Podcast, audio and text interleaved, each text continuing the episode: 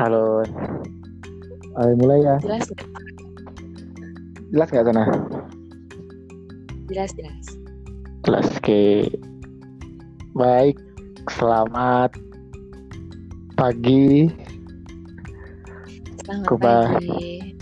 Oke, kembali lagi bersama saya di iPodcast dalam episode ketiga bersama dengan siapa nih? Kalau boleh kenalan dulu.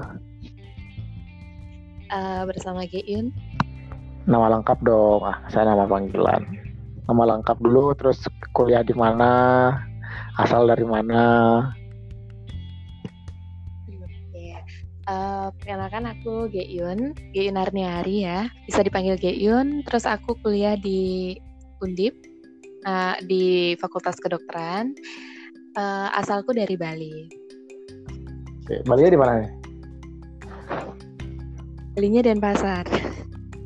Oh, berarti anak-anak ibu kota ya. Ibu kota. Enggak lah. Gila. Jadi sekarang apa nih kegiatannya nih?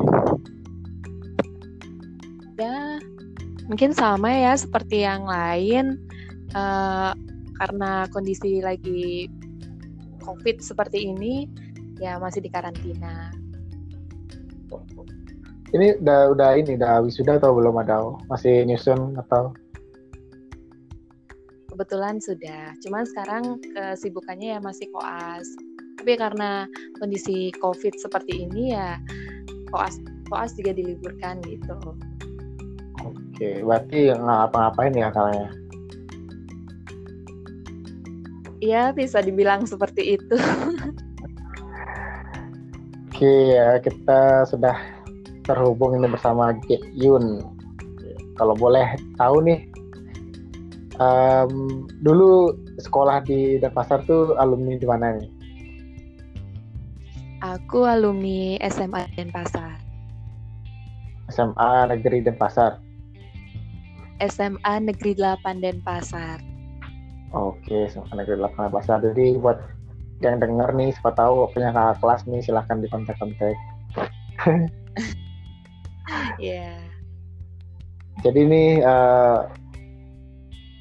mungkin beberapa pertanyaan buat Ge Yun yang mungkin bisa jadi inspirasi juga buat adik anak-anak muda ya yang pengen merantau khususnya.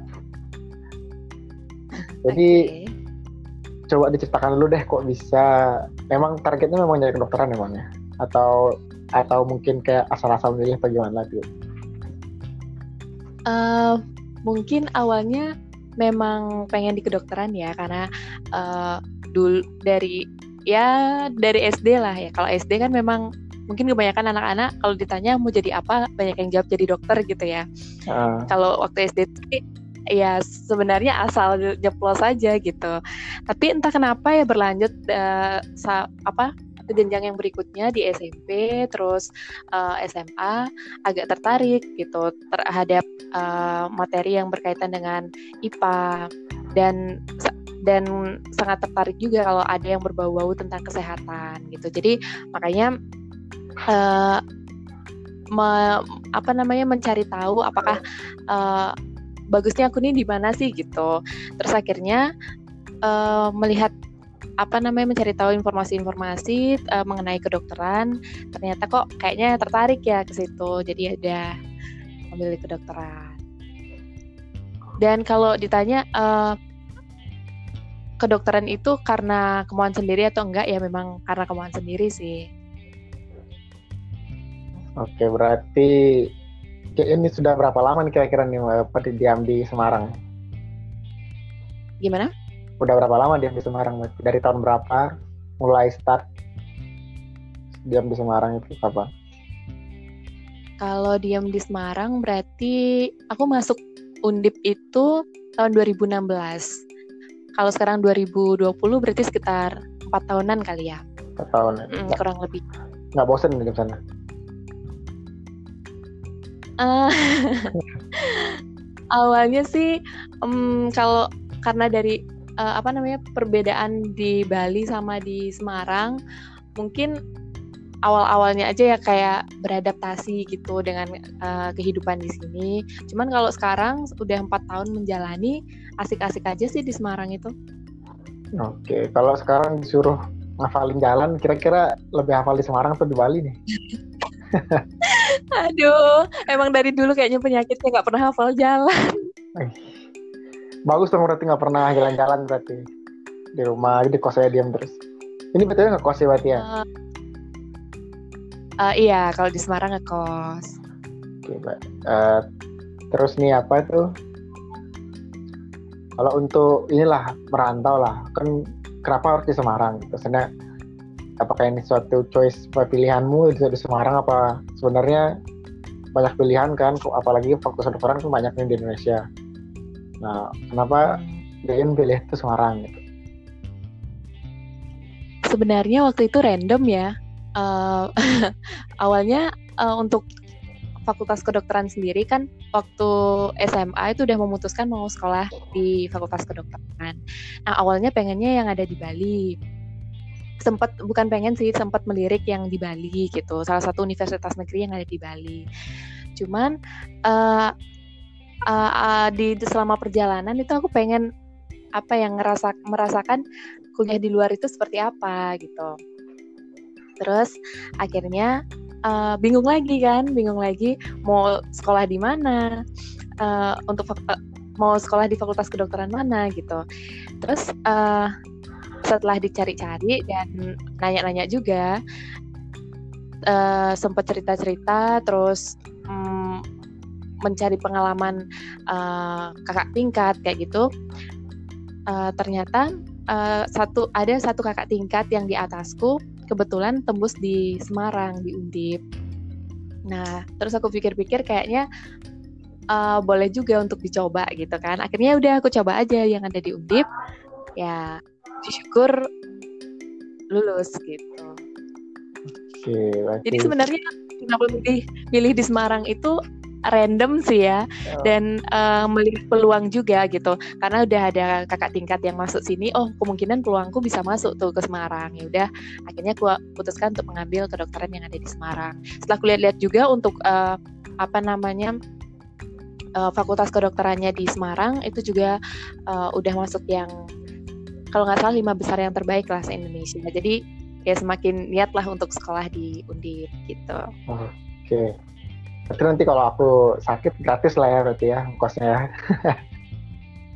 Waduh itu kita bicarakan di belakang layar ya. Tapi ini jujur nih awal-awal nih mungkin sedikit keluar dari konten ya. Sudah awal-awal tuh kan aku juga kan kuliah di Semarang nih tahun 2016. Nah, Iya. Lihat kayak ini pertama di Pura nih kayaknya orangnya sombong ini orangnya kan. Ternyata asik juga sih orangnya dari ngobrol nih. Cuman Waduh. emang kalau teman kalau teman-teman nih teman-teman kalau emang awal-awal belum kenal emang kelihatan juga sih mbak-mbaknya ini. Cuma nanti kalau udah kenal Aduh. asik kok orangnya asik asik. Oke lanjut berarti tapi sebelumnya udah berarti udah pengen ada niatan untuk merantau gitu berarti ya terus diceritain nih gimana nih hari pertama meninggalkan Bali itu rasanya kayak gimana terus hari pertama kira-kira suka dukanya apa sih selama empat tahun ini merantau? Suka dukanya ya. Kalau uh, ditanya awal ke Semarang gimana pasti sama ya. Pada umumnya orang yang meninggalkan rumah gitu yang udah jadi apa namanya tempat nyaman lah. Terus pindah ke negeri orang yang kita nggak tahu di situ kayak gimana uh, pasti rasa kayak apa sedih ya karena harus berpisah uh, bukan berpisah sih ada jarak antara uh, kita dan keluarga kayak gitu di awal-awal itu pasti kayak ada rasa itu uh, tapi uh, setelah dijalani se sampai sejauh ini ya nyaman-nyaman aja sih. Uh, nyaman. Terus kalau ke gimana? Nyaman-nyaman aja berarti empat tahun ini nyaman-nyaman aja. Sebenarnya nggak ada pikiran kalau kayak lebih enak di Bali atau Semarang gitu. Iya. Jadi uh, kalau kalau udah dijalani mungkin dengan uh, aktivitas yang padat juga kan kalau di sini uh, jadi nggak nggak kerasa gitu uh, kayak awal-awal awal-awal baru sampai Semarang jadi kayak sedih sedih-sedih yang berkepanjangan kayak berawal-awal sampai Semarang itu udah uh, berkurang dan bahkan mungkin udah nggak ngerasain itu lagi. Hmm, cuman di awal-awal emang ngerasa kayak ada yang kurang gitu ya baru nyampe nyampe di Semarang itu kayak biasanya rame tiba-tiba sepi ya nggak tahu harus ngapain kan gitu. Uh, uh, itu salah satunya. Salah satunya itu. Terus apa-apa kan uh, mungkin ini uh, apa namanya bisa dikatakan minusnya ya kalau merantau kalau misalkan mungkin dulu salah satu contoh kecil lah kalau misalkan sarapan itu masih ada yang nyiapin terus habis itu kalau kita sakit masih ada yang uh, nganterin ngebuatin uh, bubur lah atau apa gitu kan. Nah tapi kalau misalkan merantau nggak bisa kayak gitu lagi. Jadi kalau uh, kita mau makan uh, ya udah kita mau makan ya kita harus pikirkan sendiri. Terus kalau misalkan kita sampai uh, sakit kita harus ke dokter ya sendiri. Kalau kalau enggak ya minta tolong teman gitu. Tapi uh, ya pada dasarnya sih apa-apa ya kita harus bisa mandiri gitu sih. Oke. Terus nih apa ke apa namanya itu? Kan udah 4 tahun nih 4 tahun di Semarang. Nah kira-kira nih ciri khas nanti kalau udah meninggalkan Semarang misalkan apa yang paling dikangenin di Semarang ini Semarang itu uh, kotanya nyaman ya. Sejauh ini katanya nyaman, terus enggak, enggak panas juga tuh. Uh, panas sih kalau tapi kalau dibandingkan dengan di Bali sama aja panasnya. Itu uh, orang-orang di sini itu ramah, terus juga uh, apa? Hmm, ya banyak banyak banyak kenangan juga sih kalau di Semarang itu. Tapi kira-kira nih kalau udah kerjaan nih nanti udah selesai koas nih mau berkarir di luar atau kembali ke tempat kelahiran nih kira-kira?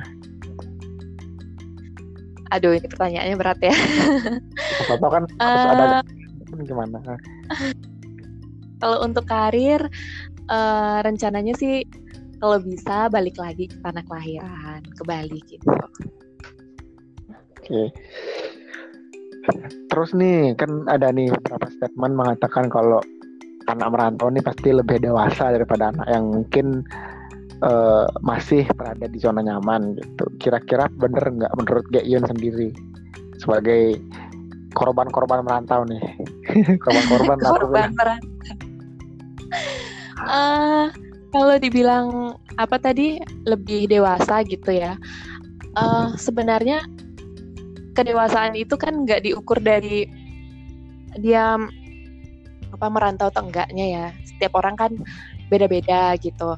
Tapi uh, kalau dari sisi uh, positifnya mungkin ya kalau uh, anak merantau dibandingkan dengan anak yang um, di zona nyaman gitulah katakan. Bukan berarti anak yang di, di zona nyaman itu nggak dewasa gitu bukan uh, mungkin ini nya aja. Kalau orang yang merantau anak-anak yang merantau mungkin uh, ya seperti yang gue bilang tadi pengalamannya untuk bisa belajar mandiri gitu kan uh, lebih banyak. Karena kan kalau misalkan merantau kita ya hidup sendiri di negeri orang yang kita eh, di apa di negeri orang yang belum kita tahu kayak gimana. Jadi kita harus belajar seperti apa. Terus juga uh, seperti contoh yang aku bilang tadi uh, kalau misalkan mau makan yang dulunya uh, di siapin, ada yang nyiapin terus sekarang enggak. Terus kalau misalkan sakit ada yang melayani dulu di rumah. Uh, kalau sekarang apa-apa sendiri. Jadi kayak uh, kita belajar untuk manajemen gitu lebih lebih lah karena kan kalau misalkan kita nggak nggak belajar seperti itu kan uh, nanti siapa yang akan ngasih kita makan di sini kayak gitu sih jadi lebih uh, uh, apa namanya rasa peduli yang lebih lah. Mungkin itu. Oke okay. tapi kalau Geyun sendiri rasain nggak perbedaan antara sebelum atau sesudah? Misalnya kan nih merantau nih Semarang terus pulang liburan. Nah kira-kira ada nggak efeknya gitu perbedaan pas liburan di rumah tuh? Mungkin keluarga dapat bilang kalau wih Yun udah lebih dewasa atau gimana? Kira-kira ada nggak efeknya buat Yun tuh merantau. Secara besar loh ya secara besar itu. Uh, kalau secara garis besar mungkin ada ya. Ya itu tadi dari uh, sisi kemandirian. Mungkin kalau misalkan uh, dulu uh, akunya pula uh, apa ya kalau di rumah apa-apa ya uh, dibantu lah gitu istilahnya. Tapi kalau uh, pas kita udah merantau, udah merasakan hidup sendiri itu seperti apa, ya ketika kita pulang kita pasti akan merasa uh, lebih sungkan untuk um, apa namanya seperti dulu untuk apa-apa ya uh, dilayani uh, dikit-dikit ya dilayani kayak gitu. Jadi sekarang kita bisa kayak uh, uh, lebih mandiri aja sih. Kalau dari omongan, uh, maksudnya kalau dari keluarga sendiri apa ya yang baru bukan berubah mungkin uh, ada peningkatan mungkin dari cara pandang misalkan uh, melihat suatu masalah uh, ada suatu masalah terus kita berikan solusi seperti apa. Mungkin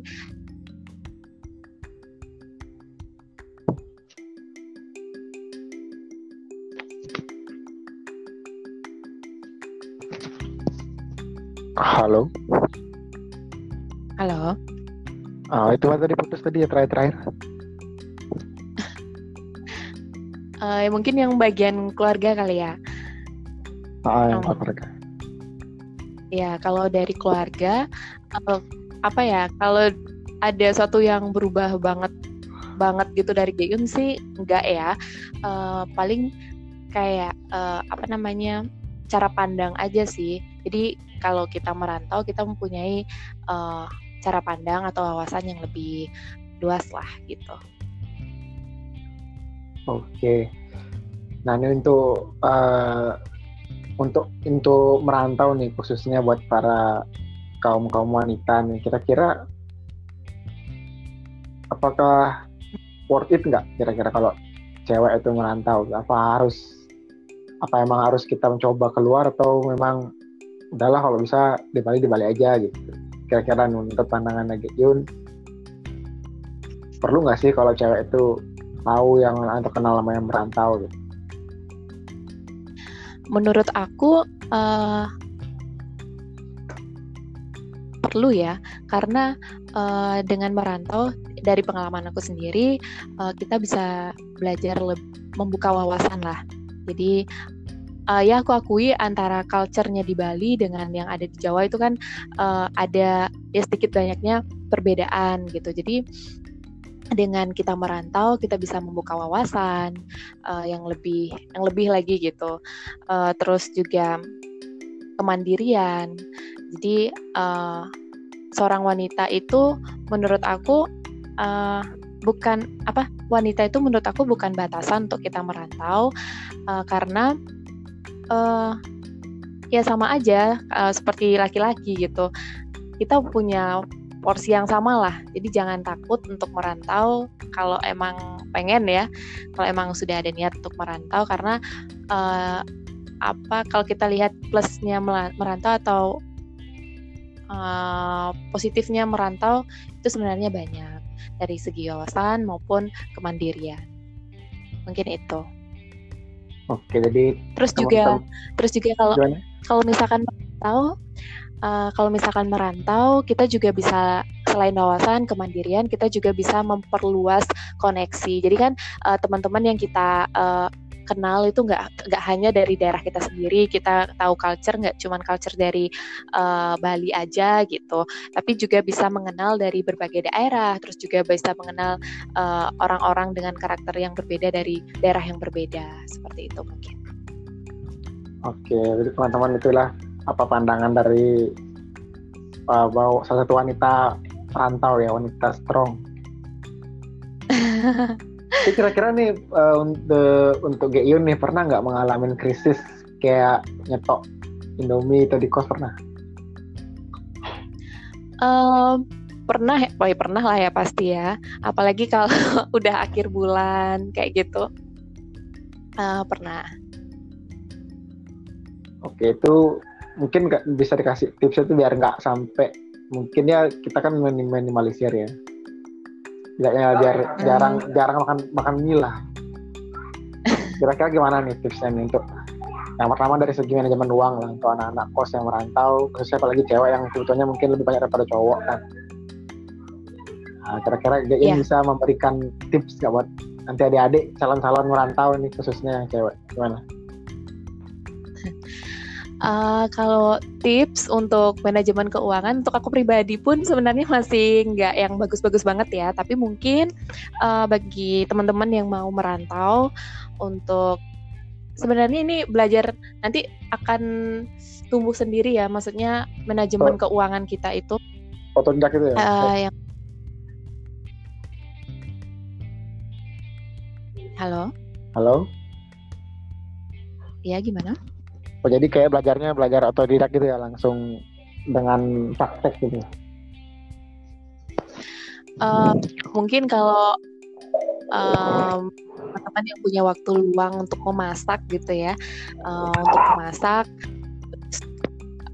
terus juga emang bisa memasak, mungkin bisa dibuat rencana uh, apa namanya untuk rencana makan untuk berapa hari ke depan kayak gitu di di kira-kira uh, peng, peng, uh, pengeluaran yang dihabiskan berapa.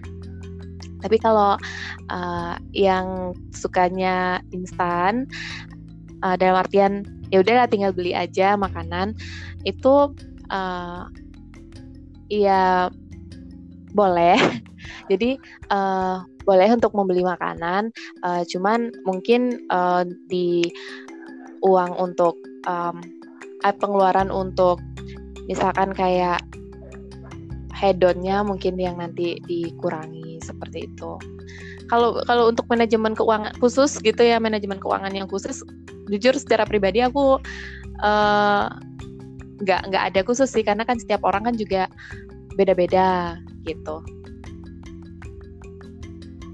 Oke jadi mungkin perlu kalau apalagi wanita kan kalau yang mau merantau perlu mengasah skill memasaknya lah biar nggak terlalu ini ya boros juga. Iya, uh, uh, itu penting. Itu penting sih ya, apalagi uh, kalau misalkan bekalan kita itu pas-pasan kayak gitu. Ya kalau nggak mau makan Indomie di akhir bulan, sebaiknya memasak. Tapi kira-kira untuk biaya hidup nih, biaya hidup di Semarang tuh termasuk tinggi nggak sih kalau menurut Kak Ion daripada di Denpasar? Di Bali. Kalau menurut aku, hmm, tergantung ya. Kalau menurut aku se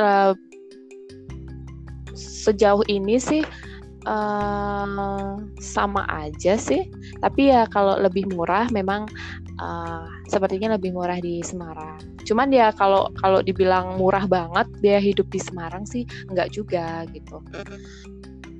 Tergantung tergantung tergantung kan kadang ada orang yang bilang uh, apa sekolah di Jawa biar lebih murah gitu. Ya nggak selalu. Tergantung gaya hidupnya seperti apa ya. Kalau misalkan dia merantau tapi makannya uh, kayak McD tiap hari ya kan nggak nggak menghemat juga gitu kan. Jadi ya tergantung uh, gaya hidup orang itu di Semarang seperti apa. Itu akan menentukan uh, nanti uh, apa biaya hidupnya lebih besar atau lebih kecil gitu. Oke. Oke, mungkin selanjutnya dari segi sosialita ya. Ini ini kira-kira orangnya sosialita nggak sih kalau sebelum merantau atau sudah merantau? Sebelum merantau enggak, sesudah merantau juga enggak. Ah, Jadi kebetulan aku bukan orangnya. bukan. Aku bukan orang yang uh, kayak hedon hedon banget gitu, bukan. Uh -uh. Jadi ya enggak enggak yang terlalu boros lah dalam pengeluaran jadinya. Oke, kalau ini apa namanya? Kalau dari segi apa bergaul lah, ada nggak peningkatan dari sebelum merantau sesudah merantau nih? Kalau dari bergaul uh, ada ya, ada banget pastinya. Uh, seperti yang aku bilang tadi, kalau waktu di Bali kan kenalnya uh, dengan orang-orang yang dengan teman-teman yang satu uh, culture gitu. Jadi ya sama orang Bali, kebanyakan ya sama orang Bali, terus juga um, ya sebagian besar culture apa namanya karakter orangnya mirip-mirip seperti itu. Tapi ketika sudah merantau, itu aku uh, mengenal banyak orang dari banyak daerah ya karena kan uh, yang sekolah ke Undip itu dari ber, dari Sabang sampai Merauke gitu ya. Iya. iya. Uh, uh, jadi jadi uh, banyak uh, banyak temen yang aku kenal dari daerah yang berbeda dan dengan karakter yang berbeda. Jadi karena adanya perbedaan itu kita harus menyesuaikan gitu. Uh, bagaimana caranya meng menghadapi orang orang-orang tersebut. Mungkin kalau dari segi bergaul itu sih. Oke. Nah, terus kalau dari sifat nih, mungkin dia ngerasa sebelum mm -hmm. merantau tuh lebih egois, terus setelah merantau lebih agak agak istilahnya bisa dibelokin dikit-dikit gitu. Oh, tetapnya. Uh, iya. Kalau sebelum merantau mungkin uh, masih kayak kental dengan uh, apa namanya jiwa daerahnya gitu ya.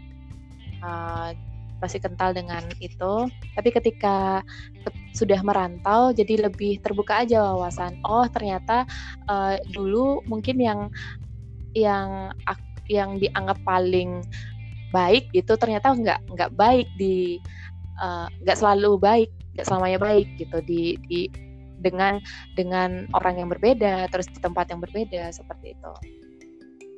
Oke, jadi adalah perubahan sifat ke yang lebih baik lagi ya karena karena merantau ini kan. Iya, jadi lebih lebih terbuka. Maksudnya nggak apa ya istilah sakle gitu loh. Kalau dulu kan lebih, kan kayak kita lebih fleksibel berarti ya. Sakle itu apa ya? Uh, ya benar. Jadi sekarang tuh lebih fleksibel. Uh -uh. Sakla itu kalau nggak salah sih ya udah itu yang itu harus benar gitu sakla. Uh -uh. Jadi kayak sakla itu apa ya? Gak, kayak masukan orang lain mungkin kayak itu. Ya. Mungkin sih kayak. Iya, jadi jadi kekeh, jadi jadi kukuh dengan dengan Betul, ya. kukuh dengan dengan jadi semua keluar ke gini daerahnya kan ya. jadi uh, kukuh dengan pendapat sendiri kayak gitu. Hmm, kalau misal kalau sekarang itu kan jadi lebih uh, terbuka. Oh ternyata uh, apa yang kita kira baik nggak semua nih nggak nggak nggak nggak bisa ditempatkan di semua orang gitu. Oke gitu. Jadi udah lumayan lama ya empat tahun di rantauan. Kira-kira pulang berapa berapa bulan sekali? Apa nggak pernah pulang? Kalau selama empat tahun belakangan ini uh, setiap semester sih pulang sih. Uh -uh. Kalau Indra sendiri gimana? Sudah berapa lama di sini? Sama lah kan kita kan kita kan satu generasi. oh iya 2016 ya. 16 cuman. Terus kalau pulangnya gimana? Pulangnya paling lebaran aja. kalau aku pulangnya paling liburan semester karena kalau misalkan lebaran aku uh, liburnya cuman dapat berapa ya semingguan mungkin kurang ya eh, maksimal semingguan gitu jadi kan kayak nanggung kalau pulang jadi makanya ngambil libur semester Oh, tapi ini kalau boleh tahu kan lagi nggak koas juga, kenapa nggak diam di Bali aja atau atau emang ada yang dijagain di sana? Cie. Waduh, siapa? Rumput tetangga. uh, kenapa milih di sini? Eh, maksudnya kenapa selama corona milihnya tetap di Semarang? Itu karena ada beberapa pertimbangan sih sebenarnya. Jadi kan waktu uh, apa Maret ya, ketika Maret diumumkan kalau uh, apa istilahnya bukan lockdown tapi social distancing gitu. Nah, di waktu itu disuruh karantina di rumah masing-masing. Nah, kebetulan uh, sempat sih kepikiran apa pulang aja ya daripada karantina di kos sendiri ngapain, terus nggak bisa ke mana-mana juga kan. Tapi setelah uh, dipikir-pikir uh, beberapa risiko yang mungkin bisa terjadi kalau misalkan aku pulang ke Bali, jadi uh, dari, untuk meminimalisir risiko-risiko yang mungkin terjadi tersebut, makanya aku memilih tinggal di Semarang. Tuh.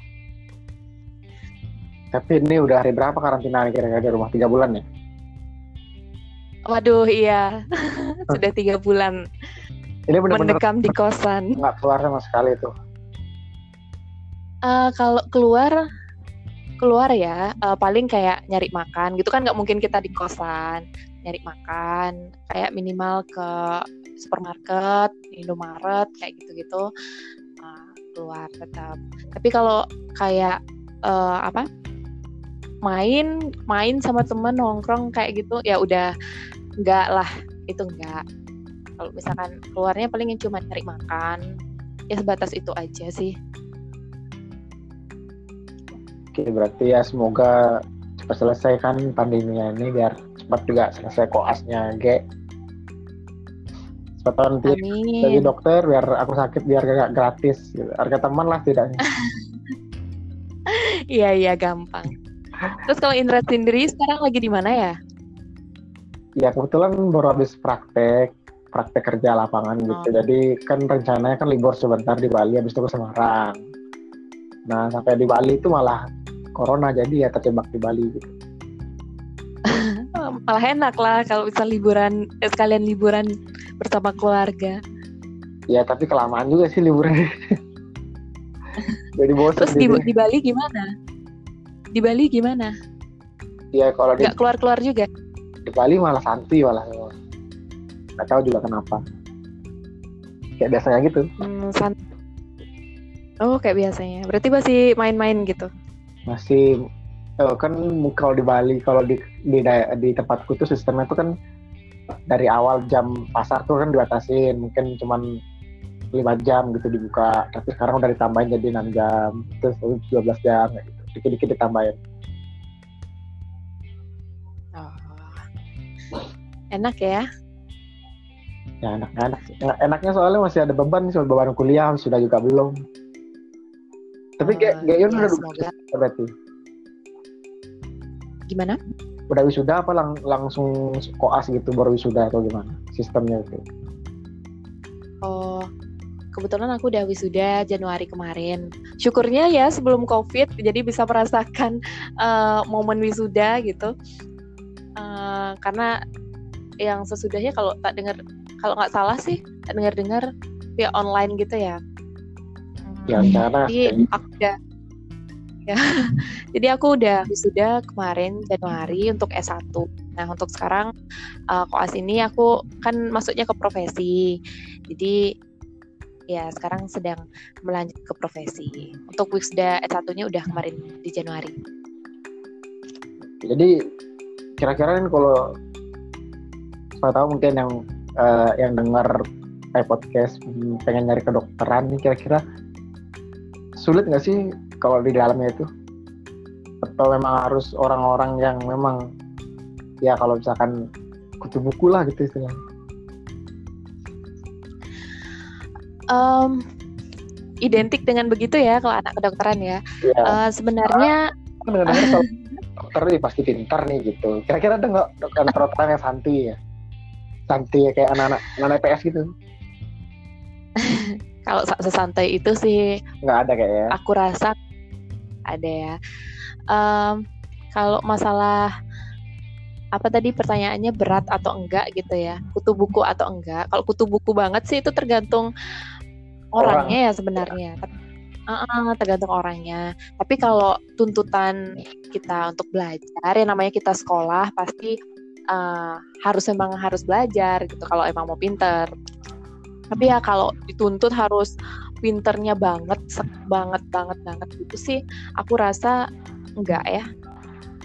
Nah, Jadi sebenarnya uh, sekolah di kedokteran kalau emang kita um, apa suka dan ya suka dalam artian suka dengan IPA ya, suka dengan IPA.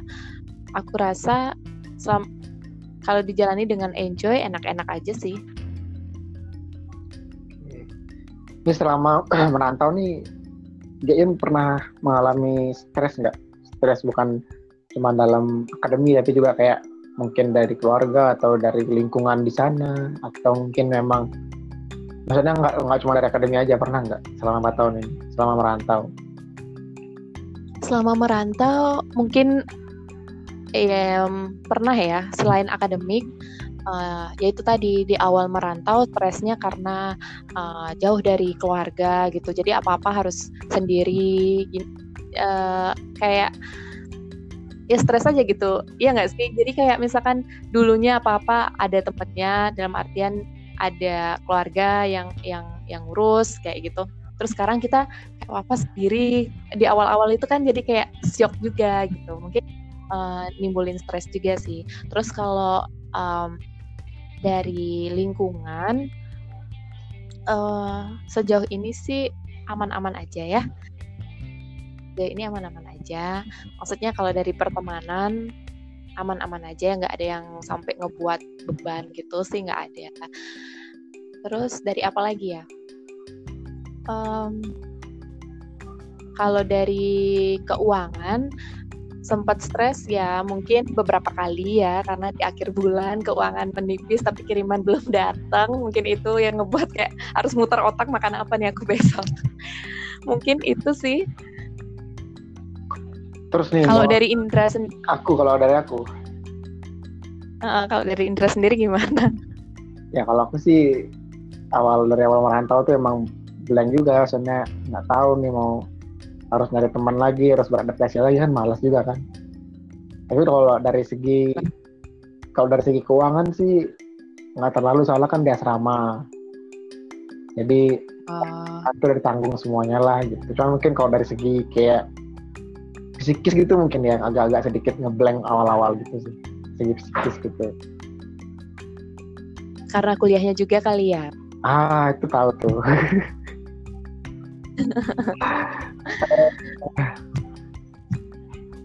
Terus nih, kira-kira nih empat tahun ini tahun yang paling berkesan nih tahun apa dan alasannya kenapa? Kan Hal yang paling berkesan? Kan dari 2016 sampai 2020 nih sekarang. Nah di antara uh. tahun ini tahun yang paling bener-bener nggak bakal kayak lupain mungkin tahunnya ini ketemu jodoh atau gimana atau tahunnya ini emang banyak kegiatan Aduh.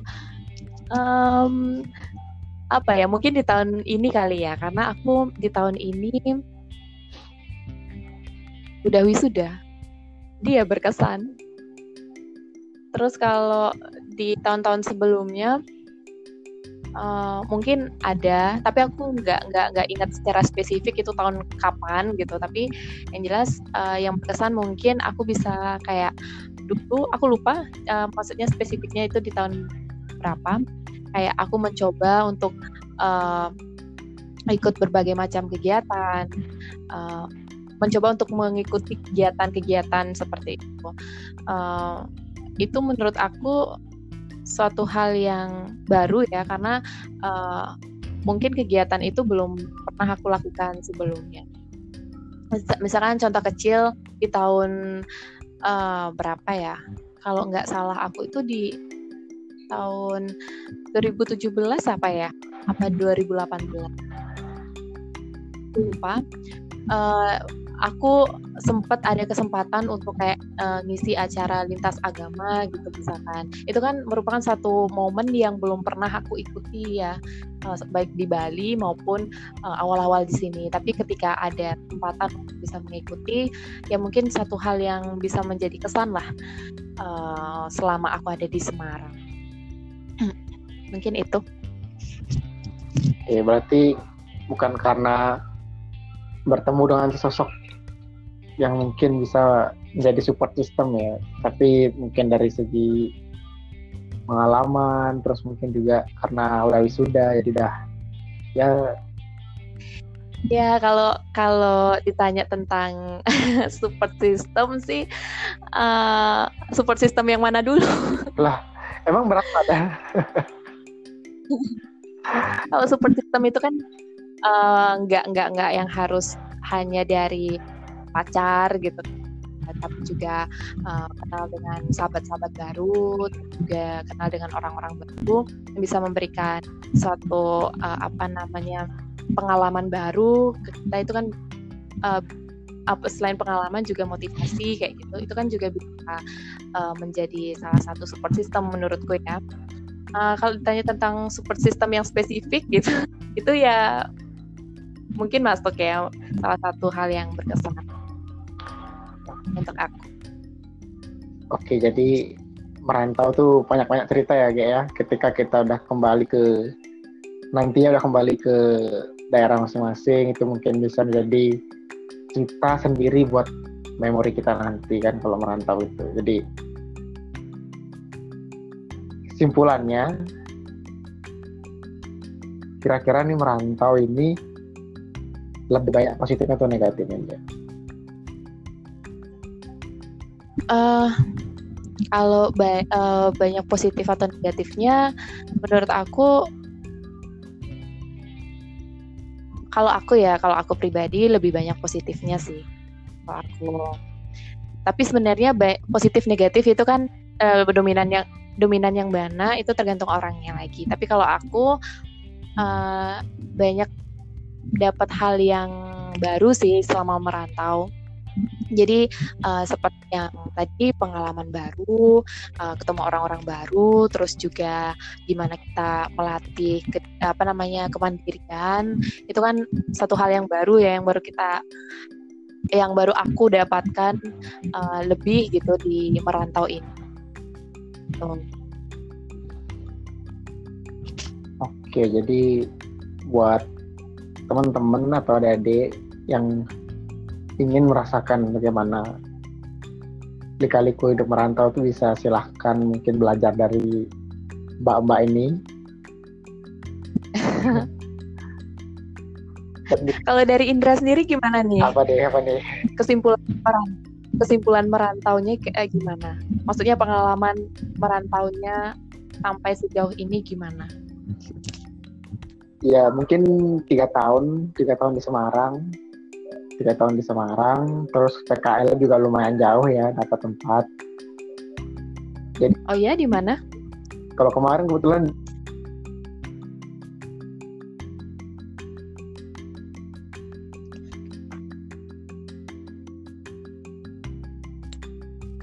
halo?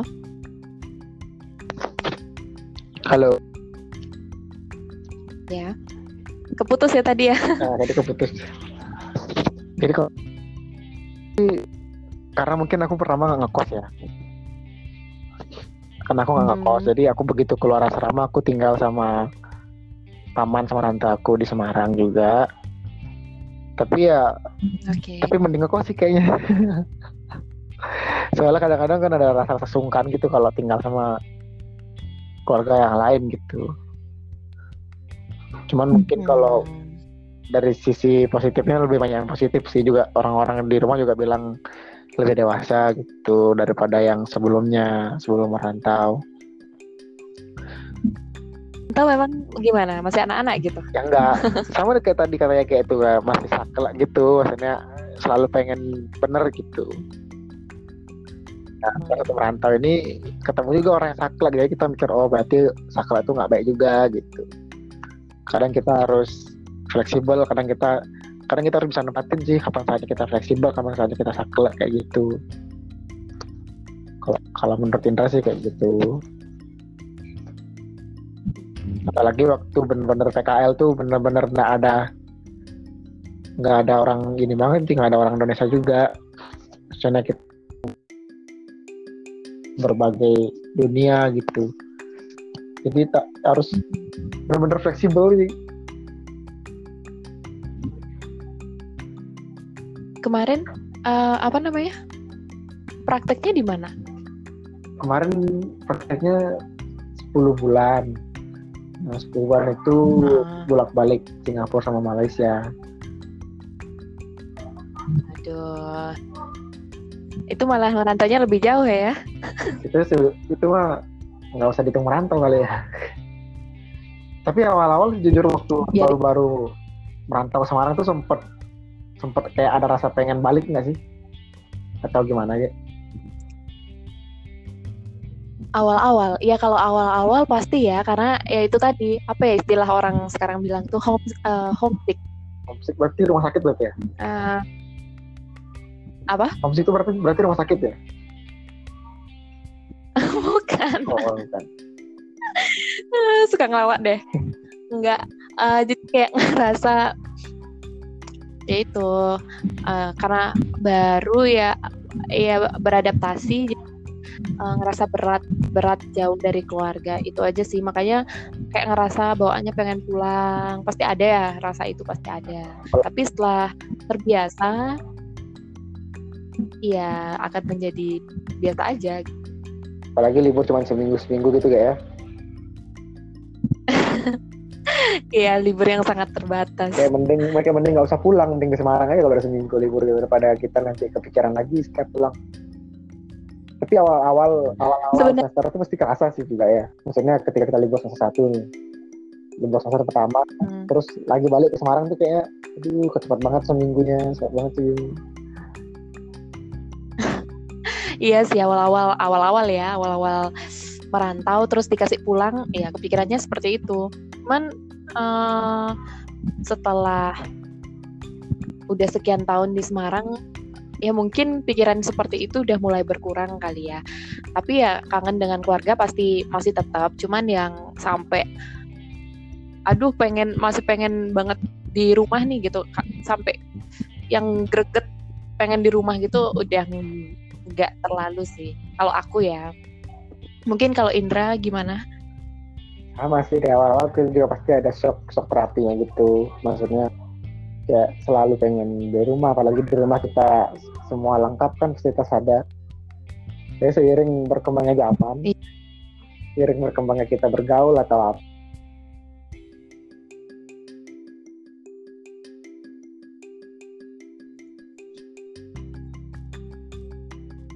kegiatan-kegiatan di luar pasti nggak kerasa. Pasti bakal kita terisi sama teman-teman baru. Ya benar. Berarti untuk adik-adik yang mau merantau itu tuh wajar ya berarti ya. Rasa-rasa pengen pulang di awal-awal tuh wajar buat yang manusiawi ya wajar jadi makanya untuk teman-teman untuk adik-adik yang ada rencana gitu mungkin uh, mau merantau ke mana pun ya uh, yang namanya di awal yang namanya jauh dari orang tua memang berat ya berat. Jauh dari keluarga emang berat apalagi uh, di rumah mungkin dengan uh, full service gitu ya. Terus sekarang di eh, di rantauan harus uh, mandiri mungkin akan ada adaptasi sih di awal-awal. Cuman uh, yakin sih uh, kalau misalkan berapa namanya nantinya ketika ketika dijalani akan enak. Karena selain uh, selain selain enak dijalani kita juga tanpa sadar nanti akan bisa menemukan kemandirian terus juga uh, seperti jadi jangan pernah takut untuk merantau karena uh, nanti kalau misalkan merantau gimana atau gimana gitu kan. Terus kalau sakit siapa yang ngurus? Kayak itu kan jangan jangan berpikir uh, bakal seberat itu. Karena pasti uh, apa akan terlatih sendiri untuk mandi. Selain itu kita juga tenang di rantauan itu kita pasti teman yang banyak sekali yang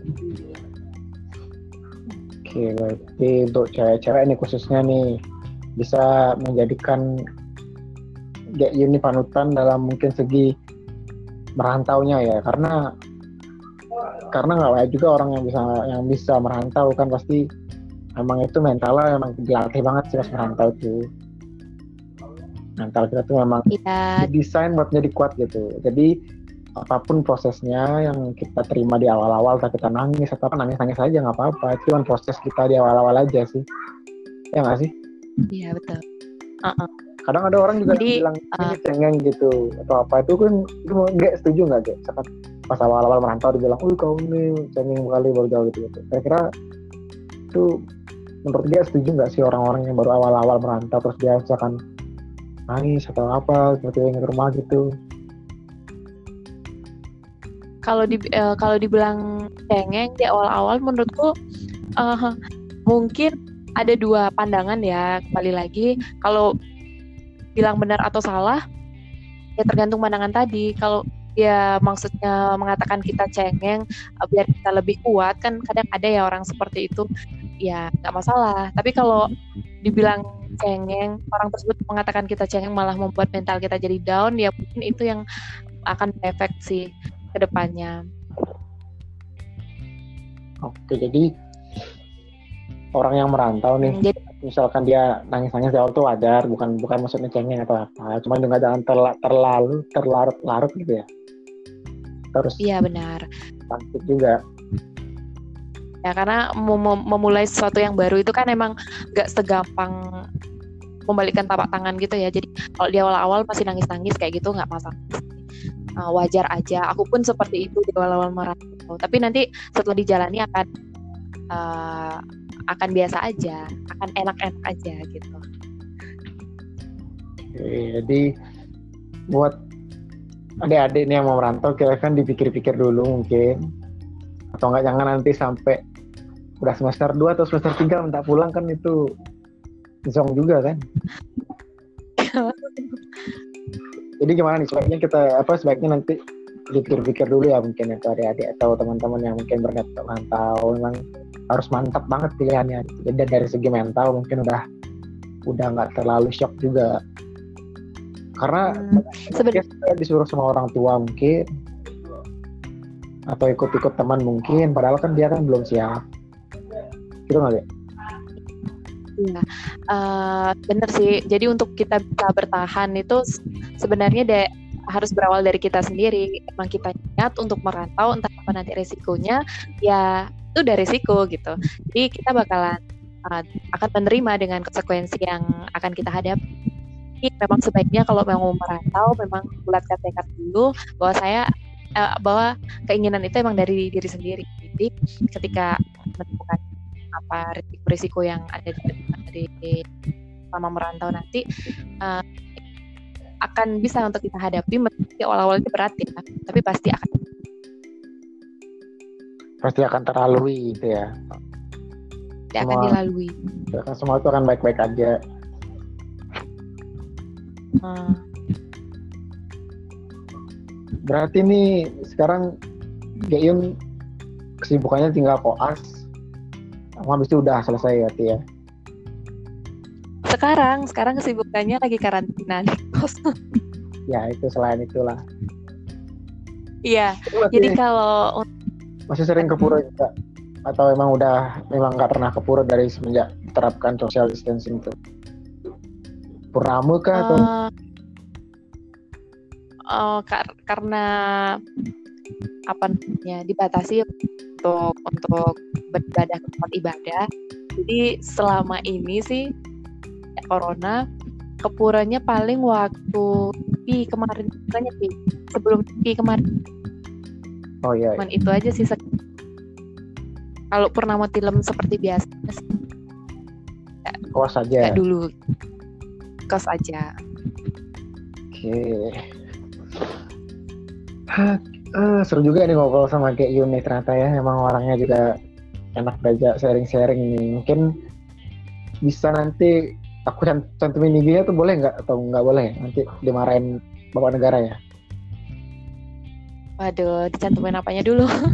Cantumin nih mungkin buat teman-teman khususnya cewek-cewek ini ada-ada yang mau kuliah di Undip ke atau memang kuliah di merantau bisa mungkin sering-sering sama Geyun gitu. Entah ya biarpun ya kita tahu setiap orang tuh kan belum sempurna banget. Tapi sebenarnya kita sebagai orang yang udah ngerasain bisa ngasih gambaran oh kalau gini dalam merantau-merantau tuh kayak gini. Gini jadi kalau memang siap ya monggo kalau memang enggak coba dipikir-pikir lagi kan kayak gitu. Nggak masalah kalau memang hubungi aku tapi uh, asalkan menghubunginya itu uh, apa namanya dengan jelas gitu tujuannya jelas atau bertanya atau atau untuk sharing sharing gitu aku sangat welcome sih. Tapi kalau untuk yang aneh-aneh mungkin kalau nggak aku balas menurutku aneh kayak um, menurutku nggak nggak wajar gitu kalau nggak aku balas maaf ya. Tapi kalau mau sharing-sharing itu aku sangat welcome oke. Dan ini kesan pesan sebagai mahasiswa mahasiswa undip lah. Gimana? Untuk mau mau closingan oke. Uh, kesan dan pesan Pak Undip uh, di Undip uh, menjadi mahasiswa undip itu bisa uh, menurut aku ya menurut aku uh, kalau aku di kedokteran di kedokteran undip yang banyak aku pelajari ya, menjadi kesan gitu yang terkesan menurutku adalah bagaimana kita manajemen waktu yang baik terus juga uh, menjadi orang yang lebih disiplin kalau Undip ya uh, disiplin terus juga waktu uh, terus juga kita itu sangat sangat uh, penting. Uh, terus selebihnya semuanya baik ya semuanya baik. Mungkin yang paling berkesan menurutku kalau di Undip untuk pesannya? Uh, pesan pesannya untuk ditujukan ke siapa ya? Pesannya ya untuk alma mater atau mungkin ya untuk alma mater lah khususnya uh, Undip sendiri pesannya apa ya? Undip udah bagus ya sebenarnya. Um, pesan pokoknya di pesan. Untuk mungkin untuk pesannya tetap jaga kekompakan ya jaga nama mater terus setiap mahasiswa. Iya itu pasti ya jangan yang penting ini sih ini sih karena kita kan dari berbagai uh, apa namanya dari berbagai daerah gitu uh, pasti ada berbagai macam yang berbeda-beda kan. Jadi jangan sampai yang uh, berbeda-beda itu akan uh, apa namanya menjadi menjadi suatu kendala dalam kita melakukan hubungan sosial gitu sih. Jadi tetap uh, meskipun kita dari daerah yang berbeda, kita ini tetap satu satu di Undip. Gitu. Jadi jangan ada lagi yang yang ber, ber, berpikiran kalau aku nih dari dari daerah situ loh, aku nih agama itu loh, aku nih ras itu loh, nggak ada lagi Jadi kita satu atas nama uh, atas nama kita bahwa alma mater ini baik apa membawa nama alma mater ini baik gitu ke keluar nantinya ketika kita sudah menjadi lulusan mungkin sih oke dan terakhir nih untuk closingnya kesan-kesan untuk Semarang atau kesan-pesan pas selama merantau ini lah. Oke, okay. untuk kesan uh, di Semarang atau selama merantau, selama merantau di Semarang, um, banyak hal ya banyak teman, uh, terus juga uh, banyak kesempatan-kesempatan yang mungkin pernah coba gitu. Yang aku terkesan sih uh, apa bisa menjadi kesan lah menurut aku. Terus juga uh, lama di Semarang bisa membuka wawasan gitu. Terus kalau untuk pesan pesan selama merantau ya bagi mungkin pesan ini tunjukkan ke teman-teman yang mau merantau ya. Untuk pesannya jangan takut merantau.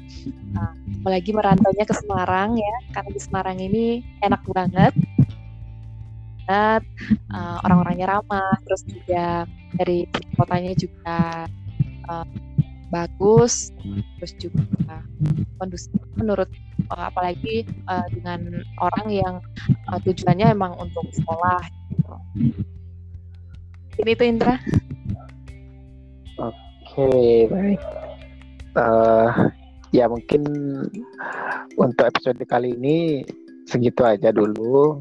Nanti kurang lebihnya nanti bisa ditanyakan sama Yunnya langsung ya via via apa ya? Terserah kalian deh via apa aja. Selagi nah, sopan ya. Mm, benar. Dan jelas gitu. Jelas ya. Nah kayak kemarin tiba-tiba nge DM pengen aja podcast gitu ya.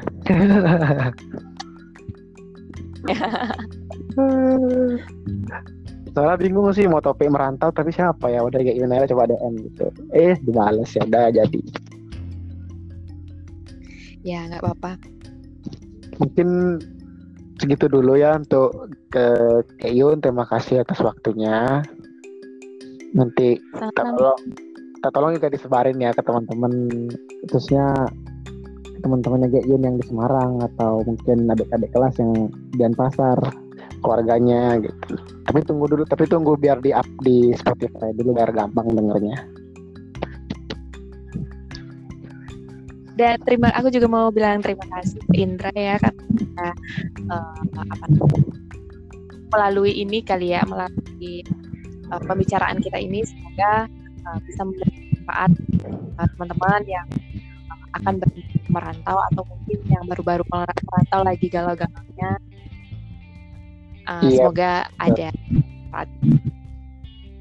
terus juga bagi teman-teman yang sekarang mungkin lagi apa skripsian. uh, uh, iya atau skripsian di tengah-tengah covid seperti ini semoga dengan adanya uh, apa istilahnya adanya podcast ini bisa, oh, podcast. bisa men hmm? adanya Ada podcast, ini bisa men ya bisa menjadi apa, satu tambahan wawasan lah. Iya, atau bisa bermanfaat untuk adik-adik yang mau merantau juga bisa jadikan suatu konseling lah mungkin podcastnya ini biar semakin siap dan semakin mantap keputusannya untuk merantau demi menggapai masa Iya benar. Jadi jangan pernah takut untuk merantau. Itu kan Indra ya. Cewek memang harus strong gitu dalam harus mistar harus memang bisa di segala hal juga gitu. jadi udah nggak zamannya cewek itu kayak di rumah aja atau mungkin di daerahnya aja Iya betul, karena cewek juga punya kesempatan yang sama ya. Iya, cewek juga punya kesempatan yang sama seperti laki-laki. Oke, oke, kalau kayak gitu, terima kasih atas waktunya. Udah satu jam berlalu, kita sharing-sharing. Nanti mungkin di episode episode berikutnya bisa sharing lagi dalam topik yang berbeda. Mungkin dalam topik percintaan ke atau kesehatan atau eh, masih banyak lagi lah topik yang bakal kita bahas di podcast ini. Bisa banget, bisa banget. Bisa sih, bisa bertiga juga nih sama si Doi ya. Gimana? Bisa bertiga juga loh podcast ini bisa masih doi bisa sama sama siapa bisa.